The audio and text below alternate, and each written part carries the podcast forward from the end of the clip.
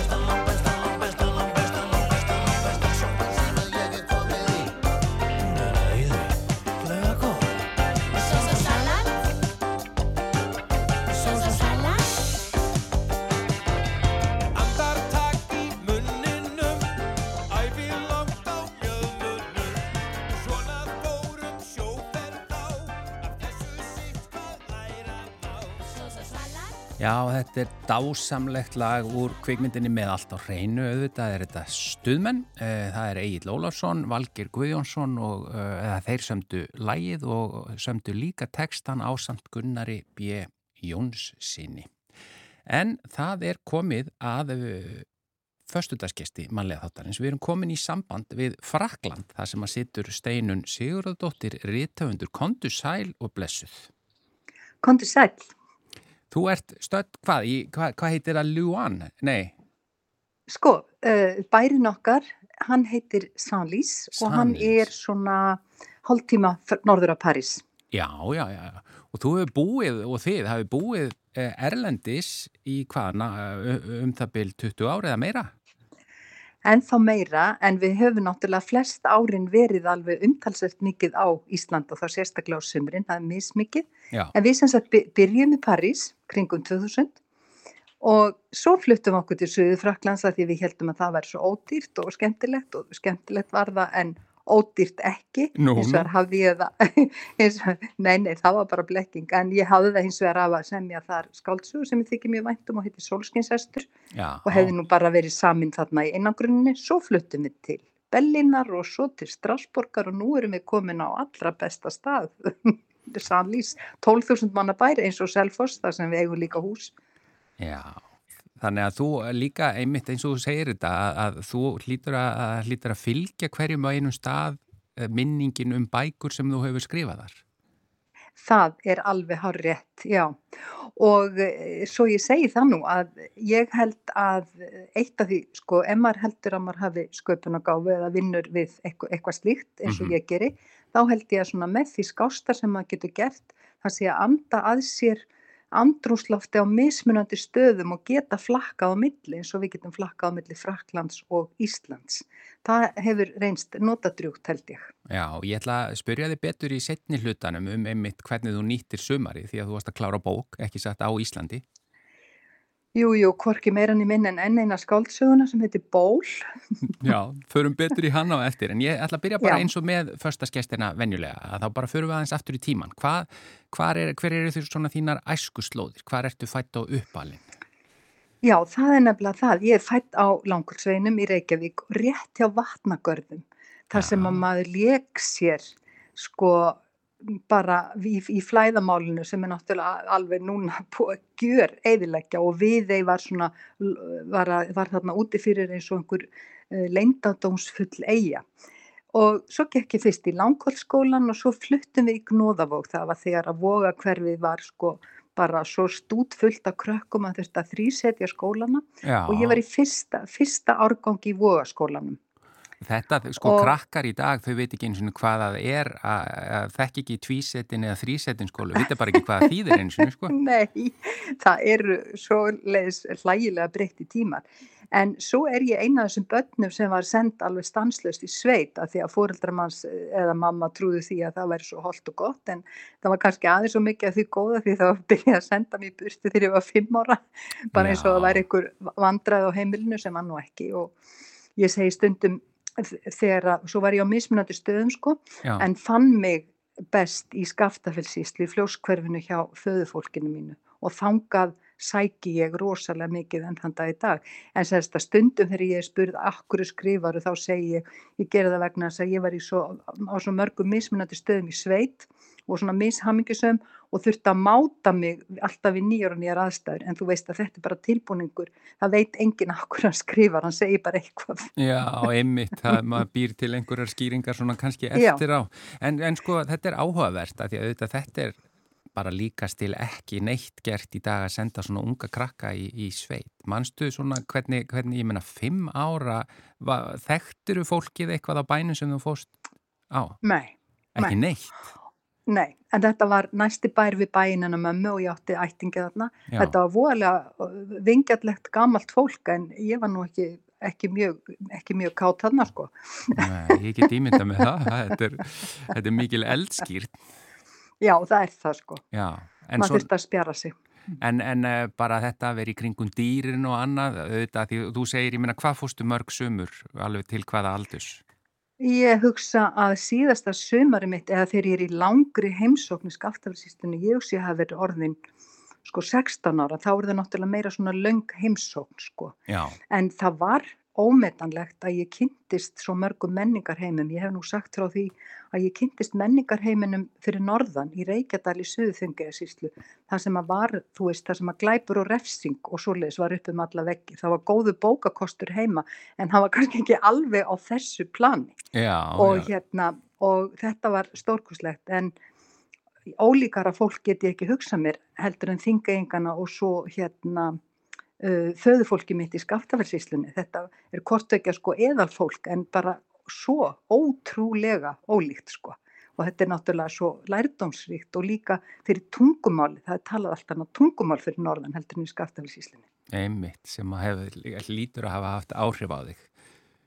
Já, alveg öruglega, En, mjög. en sko talandi um þetta við vatnagarða og svo leið sem eru auðvitað í dag bara, ég meina hvernig var eh, talandi um að vera í sveit eða borg og annað, ég meina var þetta ekki mun nær samt sveit að ég meina þessi stóra, stóra höfn sem er þarna og núna þessi stóru vöruhús og allt þetta hefur vantarlega ekki verið þarna. Nei, nei, nei, nei, þetta var bara gjörsamlega ómanngert eins og ég mann það og, og það var ómanngert vegna þess að ég á ennþá málverk sem við mamma keiftum saman af klessumálaranum Mattiasi og hérna, og það er bara sýnir þetta svæði algjörlega ómanngert og náttúrulega dásamlegt að meiga leika sér hérna og það, en hugsa hvað þetta eru breytti tímar, Ma, maður hefði sjálfur aldrei leift barninu sína að leika sér í flæðamálinu án, án eftirlits. Nei, það er nú ímislegt sem að, við leikum okkur við sem ég myndi aldrei leifa börnunum mínum að gera sko. Nei, þetta er bara, tímarnir eru bara svo ótrúlega breyttir. Sko, fóreldra mínir voru náttúrulega sveitafólk, sko, pappu skaftafilsísla og mammu grímstensinu Já, og þetta var alltaf svona eins og sveitaheimili. Pappi til dæmis fór ekki út í maturubúð og þetta var bara verk, algjör verkaskipting. Hann sá um að hérna afla tekna alveg þangað til mamma fór aftur í hjúkurninu eftir hundrað ár, sko, sem hún hafði hérna hægt að vinna við þegar hún gifti sig, eins og konur gerðu þá. já. Þannig að þetta var bara eiliða sveitaheimili með kleinum og sérstaklega flatkökum og pönnukökum og svona. En sko, þú gafst út fyrstu ljóðabókina 19 ára eh, og, og þú segir, þú vitir ekki, að, na, kannski eftir á skýringar af hverju þú byrjar að skrifa og svo leiðis, en Eh, þú ert það ung þegar þú gefur fyrst út. Ertu farin að heldur eitthvað að dreyma um að skrifa og hver, mannstu eitthvað hvernig það kviknar? Ég man nú alveg hvernig það kviknar. Það kviknar bara upp úr þessu þunglindi unglísárana þegar maður situr bara með lappinnar upp á skrippborðinu og starir tómum og þungum augum út í tómið sko. Og, og hérna þannig ég mann það mjög vil en ég menna ég myndi bara segja snemma beist krókurinn því að ég var rosalega fljótið máls og ég var mjög fljóta að læra að lesa og lasa allan anskotan og svo hefði ég opuslega gaman að því að skrifa rítgerðir og var að skrifa einhver leikri til ég var krakki. En gáði að því að hér er kvennmaður á þessum tíma á ferðinni mm. og mhm. það að ætla sér að verða sko rítöfundur til eilífiðar það var bara, það var bara alls ekki inn í myndinni. Fyrirmyndirnar voru allt kallar, það eru bara fá einar á undan mér Svafa og, og Vilborg og svo framvegis og Já. þær eru rétt á undan mér. En þær voru ekkert áður en ég var tí ára sko. Var þetta svona, varstu svona ákveðin að segja að þú ætlaði bara að vera rítöfundur til framtíðar? Nei, alls, alls ekki nefnilega. Já. Mér dætti ekki í hug að, að einhver hérna kvennmasróla getur orðið rítundur. Það er ekki, það er ekki og, og fyrstu tvær bækuna mín að koma þegar ég er í Dublin svo ég er með alibi, ég var að læra þar Já. í háskóla og það, þess vegna kannski þorði ég að gefa þér út og svo líða bara sjö eða átt ár þannig að næsta kemur og síðan þegar ég fann að skrifa skáldsöguna tímaþjóðin í kringum 1980 þá átta ég mig á því að annarkort það sé rökkveð að stökkva og þá segi ég upp uh, minni förstu dásamlega góðu vinnu á fréttastofu útafsins og hef ekki litið mögsli, ég hef aldrei verið í förstu starfi síðan þá sko. En hvað talandu um Döblin, að það er að segja, þú, þú klárar þá skóla væntanlega hér uh, og ferð svona ung til Döblin að læra hvað? Já, ég má ekki segja frá því að ég var student 17 ára frá MR, þetta þótti mjög merkilegt. Jó, um að gera að koma því að það, er nú bara, en, en þú hefur sem sagt verið svona mikill námsmaður. Nei, nei, já ég, var, já ég veit það ekki, ég bara tók sko, menta sko MR á þrimur árum og, já, já. og byrja, byrjaði sex ári sjórabökk þá nú allt og sumt en, en hérna, já ég sem sagt, uh, ég lærði, já en það sem er nú miklu merkilega hm. heldur en að ég var stúdent 17 ára það ég var blaðmaður og alþjóðu blaðinu 17 ára áður en ég var 18 ára sko. Já, já, já. En, en svo sem sagt fyrir til Dublin þá eftir eitt ára, eitthvað 19 ára og lærið þar sálafræðu heimsbyggi af tómum þvergirðingi auðvitað átti ég að fara í bókmentir Já. og hef oft séð eftir því þú veist þegar að bókmentir er til umræðu ég hef ekki neina sko faglega þekkingu, enga háskóla þekkingu en ég fór í þetta og það var náttúrulega sko ótrúlega uh, áhugaverðu tími og frjósamur Já, og hvernig, hvernig fannstu þið í döflinu og hvað varstu lengi þar? Ég var í þrjú ár sko Já og hérna ég, þetta var náttúrulega ótrúlega þetta var allt tilvílanir og tilvílin ofan en ótrúlega vel valið vegna þess að Írar þetta fólk er svo áðbóslega opið og ræðið þú veist, þú, það, var, um, það var og mér var svo vel tekið. Ég menna það voru, það voru næstu því engir útlendingar í University College Dublin þegar ég var þar. Já. þannig að ég var algjörlega kvítur hrappn en ég var opbóslega vel tekið Það er nú oft þannig að það veriðist vera að við Íslendingar tengjum stert við Íra og Skota og, og kannski frá þessum svona minni þjóðum eh, sem eru undir herra þjóðum. Ég veit ekki, ertu með einhverja skýring á því? Sko, nei, í raunin ekki nema það bara að Írar og Íslendingar hafa gaman að því að segja frá og Írar eru brjálæðislega skemmtilegt fólk. Já. Það er svo mikið fjör og stuð í þeim og þeir eru stanslöst að leika sér að tungumálinu. Svona eins og var mjög mikið gert sko þegar ég var eiginlega minni. Það er minna um það á Íslandi núna finnst mér. En eins og til dæmis til sveita eins og kemur fram í bókinu sem ég skrifaði um heiðu bónd og ljótastöðum sko orðin voru bara okkar leikfeng og það var mjög mikið í mínu tilfelli.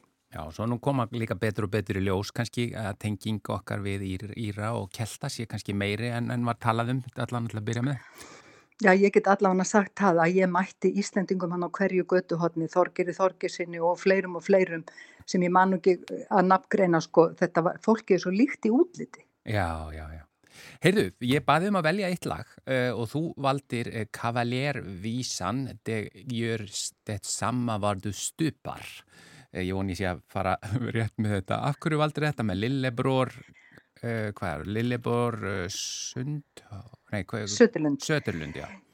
Já, þetta er sem sagt Kavaliersvísan frá Vermland og hún byrja svona, eh, orðin byrja svona, ég ætla nú ekki að syngja sko, det gör det samma var du stupar Kavalier sem þýðir cirka, það skiptir engu hvar þú fellur rittari og svo kemur í tekstanum meira, það skiptir engu hvort þú lendur á himnum eða í neðra því þú átt vín á báðum stöðum og þetta er algjört að verka en málið er það að þessi vísa hún kemur svo rækilega við sögu í bókinu minni og Já. þegar sögu heiti hann heyrir pappa sinn og vinans syngjana í hérna seli frá sumabústanum sem var svona sniðu og kósi brakki þegar hún heyrið á syngja þetta saman þá hún alveg fellur í stafi yfir stjörnufegurðun og söngnum en söngurinn segir sögu á sinn hátt sem söguhetjan veit ekki ennþá hver er. Steinun Sigurðardóttir hingraðu á línunni. Við spilum þetta lag, þetta er nú bara stutt og fallet lag uh, og svo förum við mitt, förum við að nálgast þessa nýju bók, Ból. Hingraðu. Já.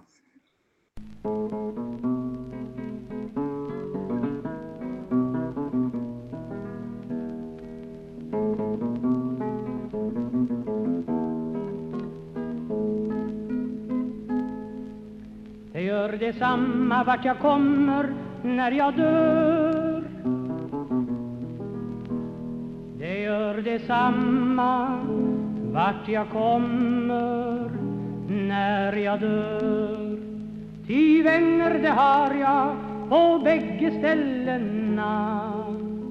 Det gör detsamma vart jag kommer när jag dör det gör detsamma var du stupar kavaljer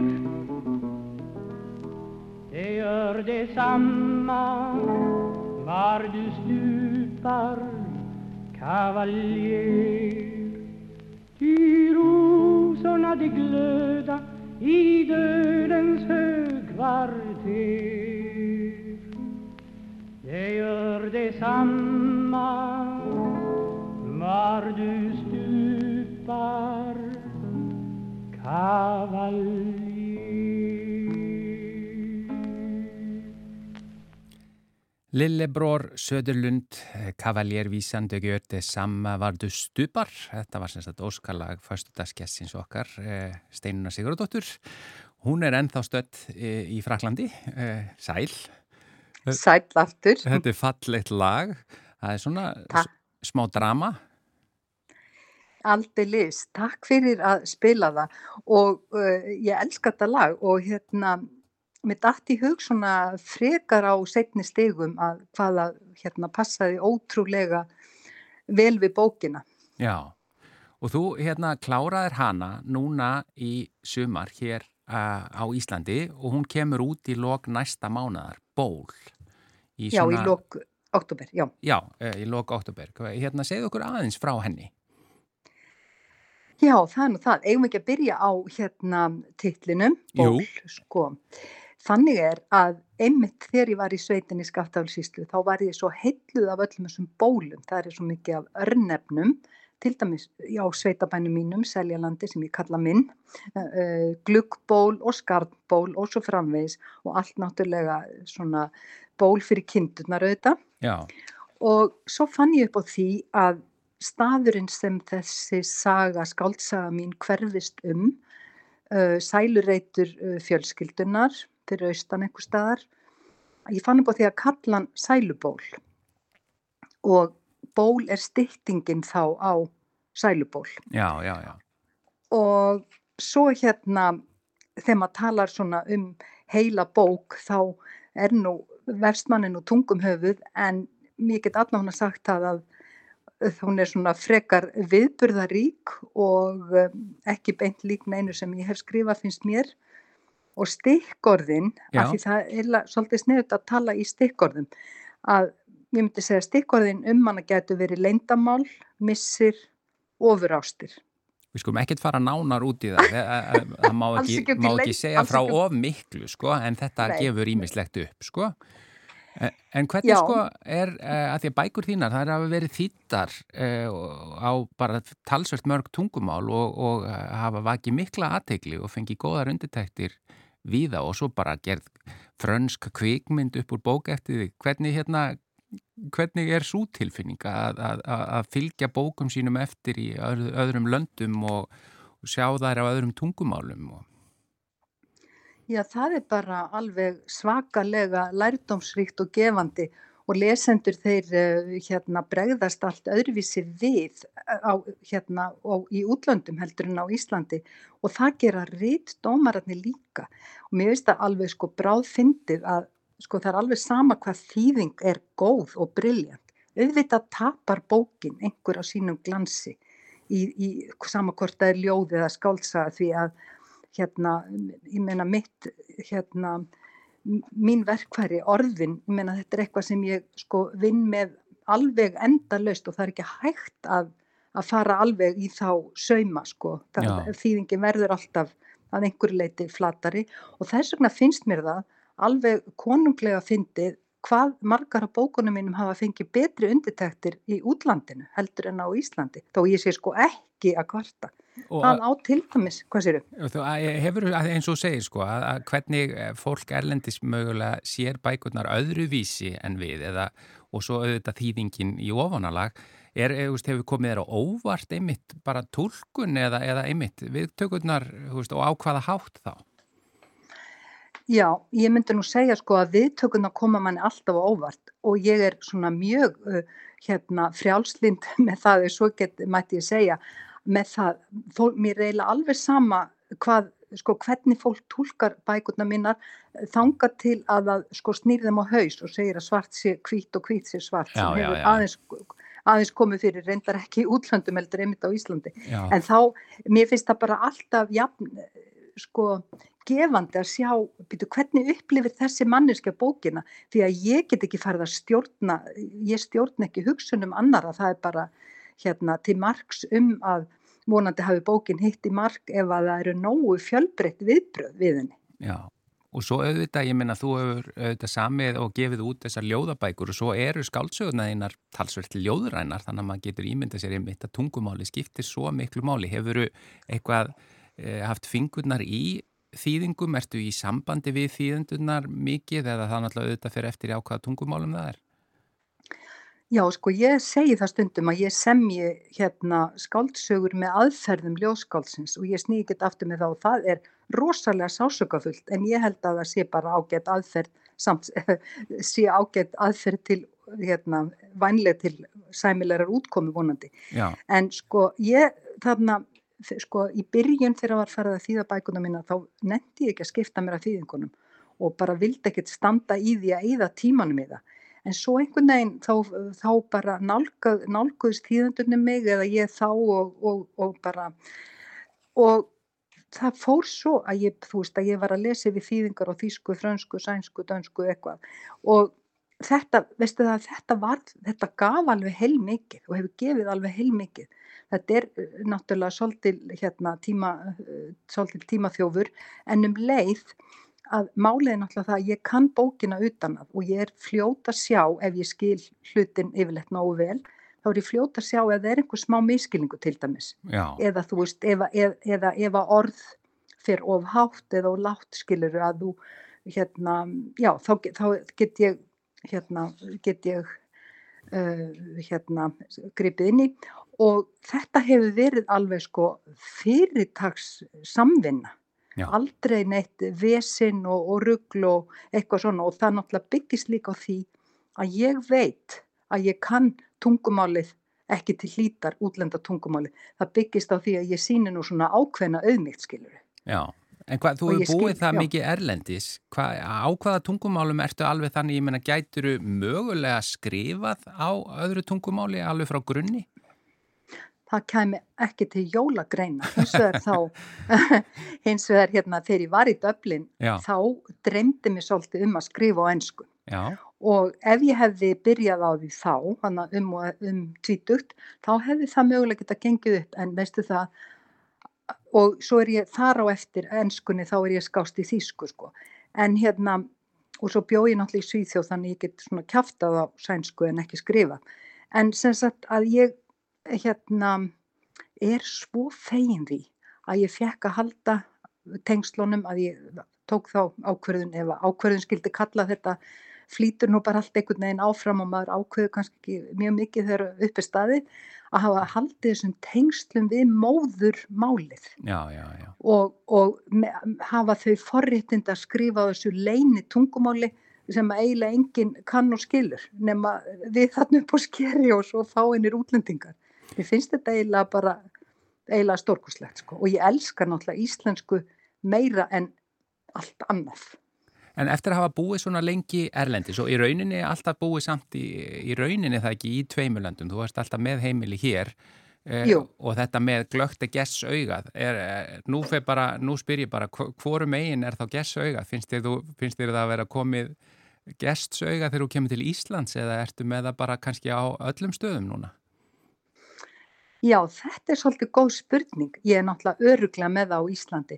En sjáðu til, ég er og ég, þar finnst mér ég sjá hlutina glögt og kannski, óþæ, kannski óþægilega glögt eins og nú er komið í alls konar málum, þú veist, þegar maður fylgist með þessum loftköstum sem allt er gert í á Íslandi, hvað sem það er ferðamannaflóð eða, eða geðveikt sjókvíeldi eða, eða hvað, en, sko, en í rauninni get ég alveg sagt að það er áðbóstlega þægilegt og skamsi frá að segja að vera útlendingur eins og ég er þó í Fraklandi, sama hvað ég er búið hérna lengi, að þú veist, ég veit ekki um hluti sem að kannski mjög fara miður og svo framvegis, þú veist, ég bara nýtt þeirra forritind að vera svona nokkus konar ferðamaður, en hins vegar allt sem að kemur upp á hérna, þú veist, eða verða hamfarir eða slísi eða eitthvað svona, þá kemur það mér náttúrulega mjög mikið við, Já. samt sem áður. Og hefur það áhrif á þig sem rítöfund að vera geta svona einhvern veginn, að því þú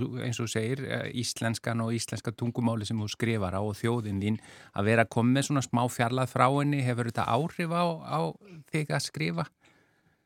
Ég held að sé ekki neitt nema til góðs Já. að hérna alls ekki sko, ég náttúrulega er í lifandi sambandi við tungumáli með mínum bóklestri og vinum og, og ég býnum með manninu mínum sem er ágættis orð, orðsnýrlingu líka já, já. þannig að, að að ég held að, að það hef ekki gert neitt nema gott. Já, ég bara sendi líka kvæði til hans og þakka honum fyrir að hjálpa þér að koma tengingunni í síman þannig að við getum náð svona fínu sambandi við frá, frá Fraklandi.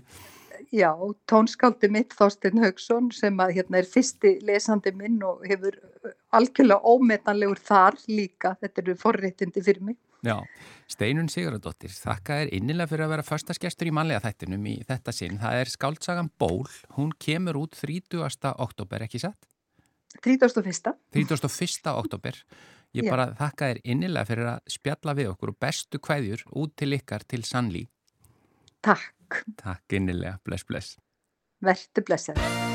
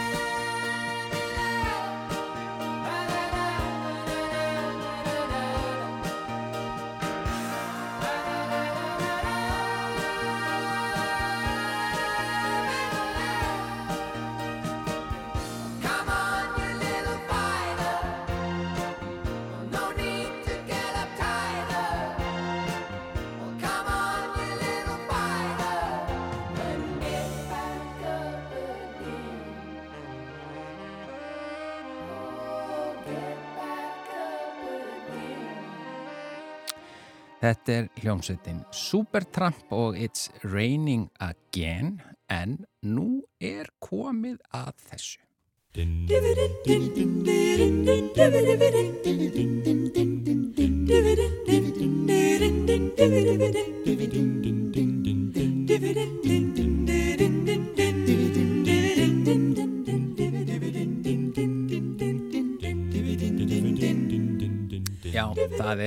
Matarspjallið sem við erum komin hingað í og það er að Sigurlega Margrét er komin hingað. Já, takk fyrir að bjóða mér. Bara, ég, ég hef engan annan kost. Nei, ég veit, það voru brjáli.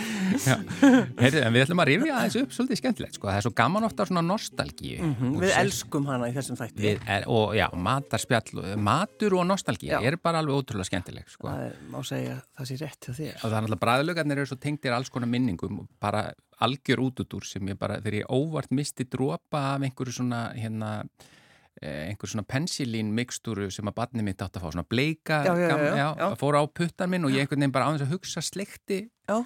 Þá fór ég bara aftur til þryggjára aldurs. Þú veist þetta var bara eitthvað bragð sem ég ekki fundið síðan ég var þryggjára Nei, sem fyrst hvef Já, eða eitthvað, það var með eirna bólgu já, já, já. ég var alltaf með eirna bólgu Já, ég man eftir þessu bræði En það, það er alveg rétt hjá þér, þú veist, það kom alls konar bæði gleði og kannski sorg og svona alls konar tilfinningar sem tengjast mat. Það er náttúrulega bara þannig. Já og þeir sem hafa ekki áhuga mat, það er bara eitthvað að. Þeir fyrir bara að leitra hjálpar. Já, já, við bara erum ekkit að tala við það fólk.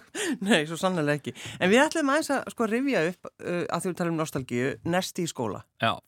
Uh, Núna er, er, er grípur, grípa börnin einhverja bústdrykki sem að kaupir bara, þú veist, í plasti og eitthvað svona. Já. Ég er alveg uppið það að Amma Silla let mér fá mjólk í uh, tómatsósuflösku úr gleri. Já Emmitt. Var ekki þú líka? Jú, sko, ég man eftir að hafa tekið mjólk og stundum kakó, eða uh, heitt kakó eða eitthvað svona, í, og skýði og eitthvað svona, ekki í skólan reyndar, því það var svona kókumjölkur sala í skólan, Já, eða mjölkur sala. En hérna, og ég man alveg eftir því þegar það hafði ekki verið skólað alveg nógu vel tómatsósan, þannig að það var smá tómatsósu bara. Þetta er svo vond, sko, í minningunni, og ég er bara náttúrulega, þú veist, verið alltaf að drekka mjólk, ég skil það ekki, en ég, mér þótti alveg, þótti alveg gott, en samt að sko, mjölkin orðinu volg og var í þessari glerflösku já, já. og þannig að þetta í rauninni sko niðurstaðan er þetta var náttúrulega ekki gott og þessum tíma var ekki fengu við ekki mjölk eða, eða kokomjölk sko en svo, svo eftir einhver, einhver tíma ég man ekki hvað bekki var komin þá fekk maður það, voru maður með einhverja kókomjölku miða, miða já. Já. Já, og þá var einhver sem var þú veist mjölk, náði í, í mjölkina og dreifði og það var engin sko heitur matur í hátinu, núna er bara allstaðar það er heitur matur í öllum grunnskóla. Bara mötuneyti? Bara mötuneyti og ávöxtir og allt, allt, ég skil bara stundum ekki hvernig við komumst í gegnum daginn. Nei, eða bara í gegnum skólagönguna. Já, fyrir þetta það. En sko það, en mannst þú eftir hérna bara mjölkur fernónum þessum þrý, þrý, eins og píramíti? Já, já, ég meina, það var náttúrulega stórkoslegt og svo gamla raðið í, inn í ískapin. Já, einmitt. Eins konar tetris. Já, ná, ná, nákvæmlega, þannig að hérna, jú, jú, ég man eftir því. En ég veist þú að því þú ert miklu yngri ég veist það svo fyndi að þú hefur munnað þetta. Ei, sko, Ég man eftir, ég reyndar ekki tengingu við skólan nei, ég man nei. bara alveg eftir þessum fernum. Það segja, en það voru komnar ferkantaðar þegar ég fór í. En svo líka, sko, það var alltaf fólk bara, það var smurt og maður fekk bara í nestinu, maður borðaði eina bröðsneið og það var bara bröð með kæfi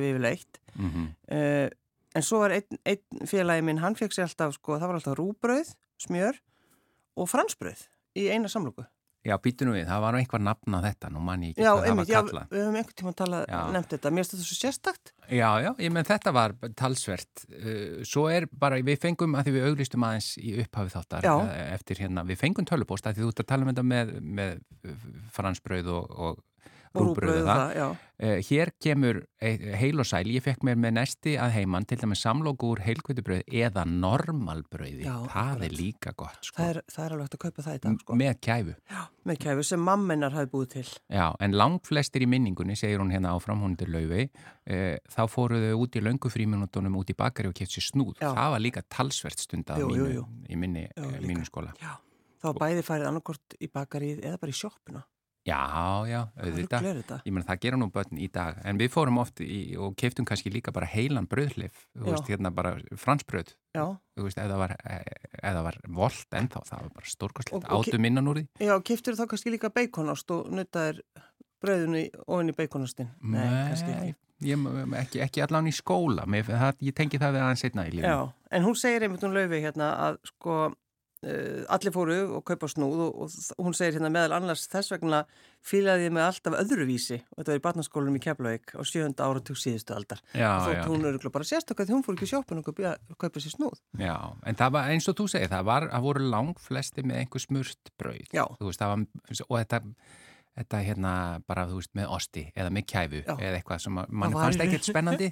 Það væri rauninu bara annarkort, er, er það ekki? Jú, það var, bara- var ekki mjög mikil fjölbreytni. Nei, nei, nei. Eh, svo ef að einhver kom með eitthvað fínt sko, þá var það mikið, þú veist, það, það, það vakti miklu aðtegli, en sem var ekkit, ekkit svo oft sko, en við fengum svona kókumjólkur miða eða mjólkur miða og annað og, og það var til dæmis, það voru alls konar drikkir svona, þú veist, hvað þetta, jóki, epla, jóki og alls konar Ógeðslega þetta. og svo komu svalarnir þegar ég er í e, barnaskóla Já, sko, sítrónu svali.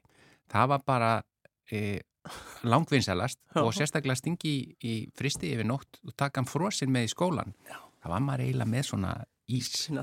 já, sem og einhvern veginn fengum við það sko, já, þó hefðum alls ekki mátt koma með íspinna, Nei, nei, nei, nei. við máttu koma með frosinn svala. En, en hvað, akkur, sko, þegar maður hugsa um það, uh, borðuðu við bara ekki þá neitt rosalega mikið þegar maður, þú veist, þegar við vorum í skólanum, ég bara svona einhvern veginn að hugsa þetta, maður var í, veist, maður var í Ísaskóla og svo í Hliðaskóla. Já, já, og maður einhvern veginn bara, var, borðaði maður bara brauð og fór svo heim og var svo svangur að maður borðaði heilan póka af, af kókopöfs með mjólk, skilur Já, í sko í minningunni var, ég það getur verið sér rámt hjá mig samt sko að það var bara einn nestistími, ekki, ekki tveir eða eitthvað slíkt Nei. yfir skólatíman Nei, nei, og, en við fórum oft, ég, ég bjóð sem sagt ekki mjög nálat skólanum, þannig ég fór oft samt heim með vinnu mínu sem bjögur nálat skólanum í hádeginu og þá fengum við okkur eitthvað, þá gáttum við borðað heilan brauðleif, bara, bara rista brauð og smjör. já, og þetta verður svo holt og svo þægilegt líka að vera bara með heilt fransbröðstykki Já. í magnum að byrja að læra aftur Og kakomalt, og kakomall. já, sem að maður setti bara, þú veist,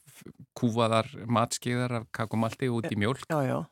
Og hérna, og, helst hrærið ekki svo mikið, þannig að maður gæti tekið þetta allt í svona En í dag er þetta náttúrulega þannig, veist, þetta er, þetta er bara luxus, sko. þau þurfa ekkit mikið nesti svo sem þegar þeir eru að fara, þau þurfa kannski einhver ávisti eða mitt þess að búst drikja allar sem það er að kaupa. Og svo er mér sér bóðið upp á sko havragraut fyrsta modnana Já. í mörgum skólum sko, ef ekki bara flestum Já, skólum. já. En auðvitað þetta frábær þróun, þú veist, að, að fá bara almennilegan mat í skólanum Já.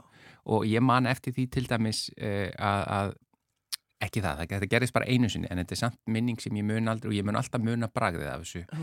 Ég veit kókumjólk í kókumjólkusölunni nema þegar ég tek utanum mjólk, kókumjólkufernuna þá er hún eins og einhver hafi blásið hann upp Já. og ég, eitthvað bara, bara, hmm. hm, ég skildi ekki alveg og set stingur örun í og þá er einmitt eins og að sé verið að sleipa lofti úr blöður og kemur svona, hann var einhver svona þrýstingur í henni og þá segir einhverju mig, að passaði, hún er auðvitað skemmt og ég einhvern veginn var ekkert að hugsa um það og tók bara góðan sopa. Þá var það rétt, þá hafði hún sem sagt eitthvað, ég veit ekki hvað hefur misfarist. Hún var alveg gallsúr og bragðið ég man það ennþá. Ó, þetta var alveg ég, það er ekkert meira. Nei, þetta, þetta þetta, bara er, þetta, er, þetta er mjög erfið, erfið saga og, og erfið upplifun hjá þér, ég, heyri það. En svo, var maður, sko, það voru allir eins og þetta, þegar maður er að hugsa um, sko, að því við erum alltaf að reyna þú veist, við erum ekki með plast og þetta, þú veist, í gamla dag, þá var, þú veist, við vorum bara mjög góð í þessu öllu, það voru allir með innpoka, inn, innkupapoka, fjölnönda, þú veist, amma setti bara mjólkina í glerflösku, já, já. þú veist, þetta var... Já, ertu að meina, fóstu heim aftur með pókan og svona? Nei, ég er tala bara þegar maður fór í búð, nei, þegar, Já. maður var sendur út í búð, skilur, þú Já, veist, já. það var, veist, þannig að þetta var uh, svo, einhvern veginn svona góð hugsun. Einmitt. Svo, síðan bara mistu við tökin, veit ekki alveg út af hverju.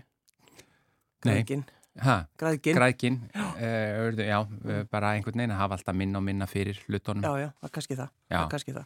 En svo sko, bara ég skýt þessu að hérna að þess að gera lítið úr íslenskum foreldurum. Mm. Kon, kona mín er frá Japan og þar er bara, þetta er eins og að horfa á listaverk, að sjá uh, nesti sem að krakkar fara með í skólan þar. Mm. Þetta kallast bento box og það er jafnvel skipt í mörg hólf og það er alls konar og það, þetta er bara í alvöru hérna það eru allir fæðuflokkarnir og það er hérna, það er bara, þetta er eins og listaverk. Að skoða þessi bentaboks og þetta hún segði bara hverju einasta mótni var þetta tilbúið þegar ég fór í skólan, í skólan. og þá bara all, alls konar litlir hlutir. Já, grænmeti, já. rísgrjón eitthvað, Já. þú veist og kannski eitthvað smá brauðmeti og svona og þetta er bara mjög það er fegur í því sko. Já, já, það er fegur í því. Já, Já, hérna kemur, vorum við að fá uh, frá Gunnari Pálsini já, uh, ég fyrst hann segi nafni sitt, þá hljótu við mig að nefna jú, það jú, jú. Uh, hann er fættur 1958 Nesti var jafnan brauðsneið með osti, kæfu, sultu, eggi, stundum niðurskortnum hrútspungum. Nú, hann að mista mig. Uh, flaska með mjólk og kakomalti blanda. Já, flaskan. já, flaska Endur nýtt tómatsósu flaska. Þannig að Já. þetta er, það er fólk að kveikja þessu. En rosalega hefur, hefur mammans og pappi verið góða að smyrja Já, já, en þetta, er ekki- þetta er spurning. Ég menna, ég veit ekki, kannski, kannski að fleiri fengi svona einhvers konar þorra maður með, með hrútspungum. Ég, Ég það aldrei nú ekki vakið mikla hrifningu í mínum bekk á þessum tíma. Já, en þetta er bara, þú veist, við veist þetta gaman að rifja þetta upp og hérna alltaf, og ég eins og þú segir sko að finna bragðið, ég get alveg fundið þetta vonda mjölkubragð með, með kakomaltinu í glerflöskunni. Já, sko uppáhaldi mitt heima eftir skóla var rista brauð með smjöri og hunangi sem er náttúrulega bara nammi. E- e- bókstallega og, og svo meiri sé að hérna, kakumalt með sem Já. er bara, þetta er alveg sjúklega sætt allt saman. Og ég reyndi einhvern tíman að fara með brauð með hunangi í, í skólan það var ekki jafn gott. Nei. það var svolítið skrítið, það var svolítið lind og blöytt og Já, eitthvað já. þegar ég kom í skólan en ég held að, já, við erum, eh, þróunin er góða því að, þú veist, auðvitað eru krakkarnir oft svona kvart yfir því að maturinn sé svona og svona en, en þú veist, það er bara bóðið upp og heitar mat og, og það er bara partur af því að kenna börnum bara og, og að menta þau í, í að setjast til borðs og, og borða fallega og, Já, já þú veist, En reyku þið minni til þess að hafi uh, margir, ja, eða þú, eða, eða einhver í kringu þau verið með til dæmis bara afgang úr kvöldmatnum? aldrei nokkuð tíma. Ekki ég heldur Nei, nefnilega. aldrei. En það er náttúrulega miklu algengara í Í dag. dag, já, já, en já, já. það, ég man ekki til þess að Nei. einhver hafi komið með bara einhvern afgang af kvöldmatunum kvöldið sem er auðvitað alveg tilvalið í mjög mörgum tilvikum. Já, Sko. já, en þú veist að þetta er fullt af fólki sem hatar afganga. Það er mjög skrítið en það er fólk, það, það er fólk Það hljómaði ekki. á röttinni þinni eins og þú. Ekki ég, ertu brjálaður? Nei, allt í lagi. Já. En mér finnst matur yfirleitt betri daginn eftir. Já, daginn eftir. Ekki Margrét- Nefna kásutnar, sko. Við erum auðvitað ekki búin að tæma þetta Nei, nei, nei, ég er hissa því að Albert hefur ekkert sendt okkur. Já, hann er örgulega, ég held að hann sé svoandi, hann sefur yfirleitt út. Já, hann sefur yfir til hátegis. En hérna, endilega sendið á okkur ef þið eru með eitthvað fleira svona uh, hérna, mannlegi hjá rú.is, eitthvað tengt nesti. En Sigurlega Marget, þú hveður hlustendur hér fyrir þessi helgi, gjör það svo vel. Kæru hlustendur, góðar stundir.